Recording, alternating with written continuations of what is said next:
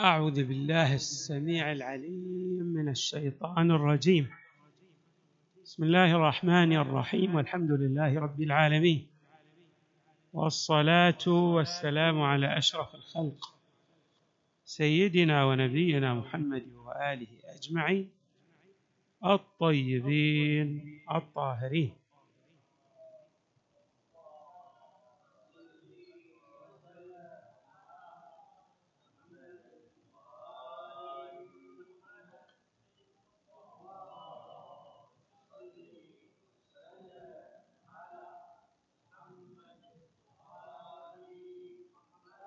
روي عن رسول الله صلى الله عليه وآله الحسن والحسين إمامان إن قاما وإن قعدا إمامنا الحسن عليه السلام له دروس تربوية ثرى بالعطاء والتأثير الإيجابي على حياتي الإنسان. في دنيا وأخرى.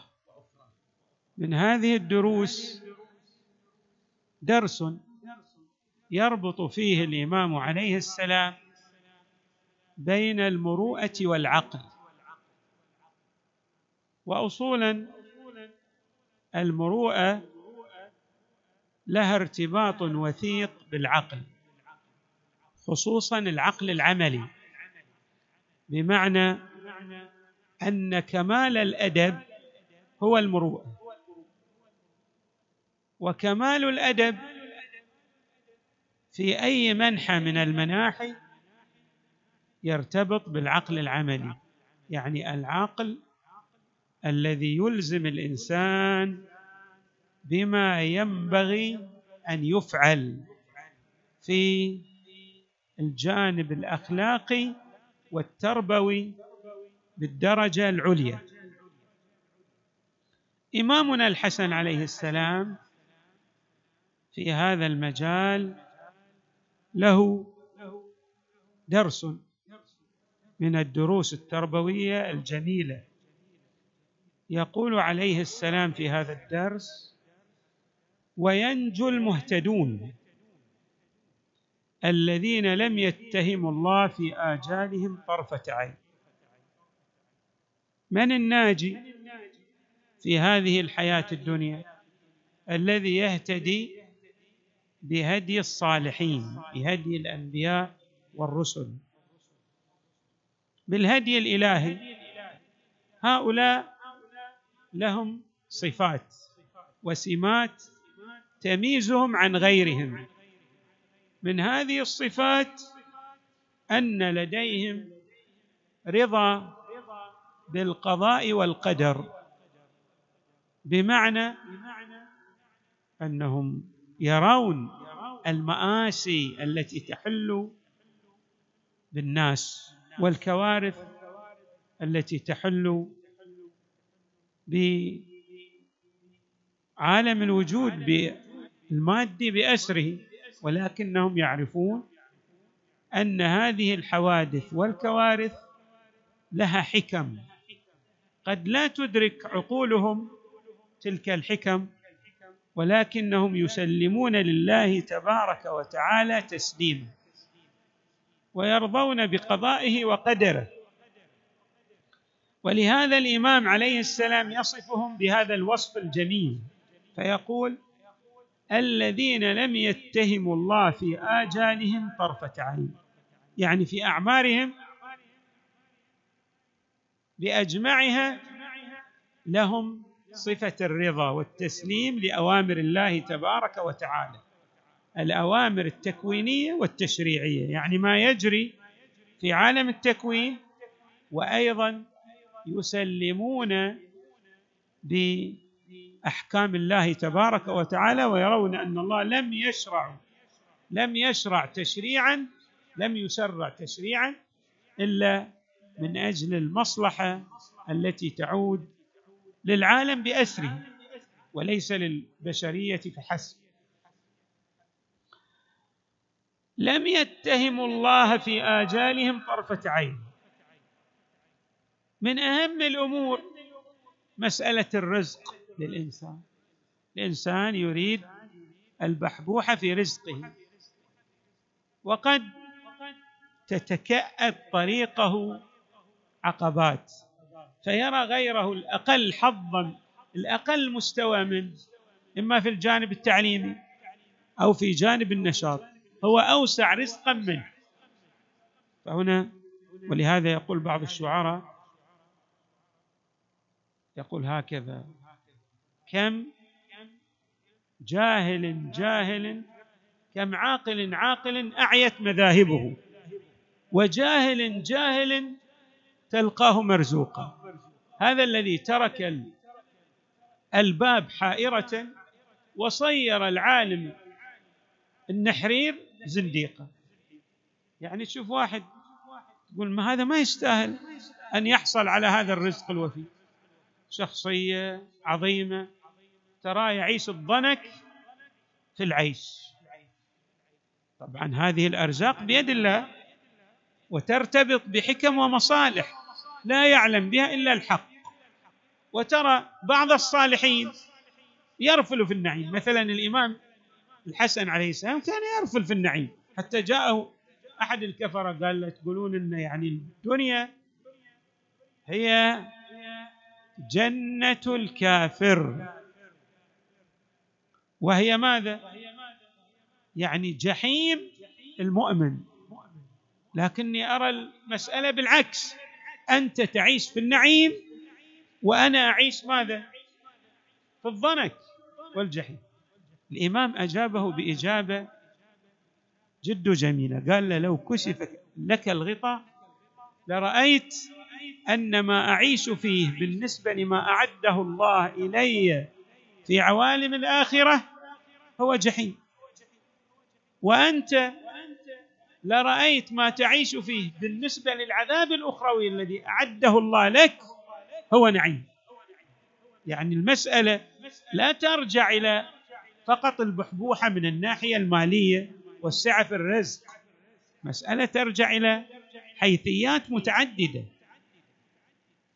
الإمام يقول عليه السلام في هذا المضمون لم يتهم الله في آجالهم طرفة عين ولا في أرزاقهم الله وسع عليه رزقه شكر.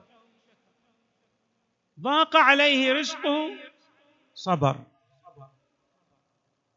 ليس فقط يصبر بل أيضا يثني على الله حامدا. ويرى أن ما قدره الله عليه من ضيق في رزقه يرجع إلى حكمة في ذلك. قد هو لا يدرك مديات تلك الحكمة ولكن الله تبارك وتعالى لا يفعل إلا ما فيه المصلحة التي تعود على الإنسان في دنياه وفي دنياه وآخرته. فيقول الإمام أيضا لهذا السبب أي لأجل التسليم والرضا وعدم الاتهام لله في تشريعاته ولا في أموره التكوينية. هؤلاء وصلوا إلى المرتبة العالية من المروءة اللي عبرنا عنه بالأدب الجم اللي عبرنا عنه بكمال العقل العملي. فمروءتهم كاملة. بعد وحياؤهم كامل. عندهم استحياء. ولذلك يصفون النبي صلى الله عليه وآله بأنه أشد حياء من العذراء في خدرها. يعني كان على مرتبة عالية من الحياء. الحياء شعبة من شعب الإيمان. ثم يردف الإمام قائلا يصبرون حتى يأتي لهم الله برزق. إذا قتر عليهم في ارزاقهم ضيق عليهم في ارزاقهم لا يبيعون دينهم بدنياهم ويتنازلون عن مبادئهم في سبيل ان يحصلوا على المال بطرق معوجه والعياذ بالله.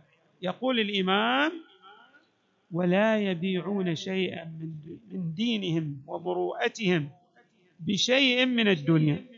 ابدا عندهم التزام دقيق ولا يطلبون منه شيئا. منها يعني من هذا الحطام الدنيوي بمعاصي الله. لماذا؟ لأن كما أسلفنا لديهم كمال المروءة. الذروه في مسألة العقل العملي. ثم يشرح الإمام عليه السلام ذلك. يقول ومن ومن عقل المرء المروءة ومن عقل المرء مروءته. أن يسرع أيضا من عقل المرء ومروءته أو من كمال مروءة الإنسان وعقله أن يسرع إلى قضاء حوائج إخوانه. إذا واحد من إخوانك المؤمنين احتاج إليك لا تقصر في قضاء حاجة أخيك المؤمن. ليش؟ لأن هذه فرص وأرزاق معنوية. من تمام نعم الإنسان من تمام النعم الإلهية على الإنسان قضاء الحوائج لإخوانه المؤمنين. أن يسرع إلى قضاء حوائج اخوانه وإن لم ينزلوها به. حتى إذا ما جاءك أخوك المؤمن وأبدأ إليك حاجته عليك أن تلتفت وتدرك وتسهم في قضاء حوائج إخوانك المؤمنين. بما تستطيعه بما تتمكن منه. ثم يقول الإمام عليه السلام والعقل أفضل ما وهبه الله تعالى للعبد. هذا العاقل اللي العملي الذي عبرنا عنه بكمال المروءة والوصول إلى الذروة في الادب هذا من أعظم المواهب الإلهية التي يعطيها الله تبارك وتعالى للإنسان فيجعل الإنسان سائرا في جادة الصواب وفي الطريق المستقيم. ليش؟ أفضل نعمة يعطيها الله للإنسان هو العقل العملي الذي يصل به إلى أقصى درجات الكمال في الأدب والمعرفة العملية. ليش؟ يقول إذ به نجاة هذا الإنسان في الدنيا من آفاتها وسلامة الإنسان في الآخرة من عذابها. انت شو تريد؟ غير النجاة في هذه البرهة الزمنية المؤقتة التي نطلق عليها الدنيا؟ كيف تنجو؟ بالعقل العملي. هذا الذي يمنعك عن الوقوع في براثن براثن الرذيلة ومهاوي الفساد والعياذ بالله. كيف تنجو؟ تنجو بهذا العقل العملي. تنجو بهذه المروءة الكاملة. والإمام عليه السلام دائما يعني يشرح في أكثر من موضع أيضا يقول الإمام عليه السلام في هذا الصدد يعني الذي ليس لديه هذا العقل العملي وهم كثر من الناس كثر من الناس.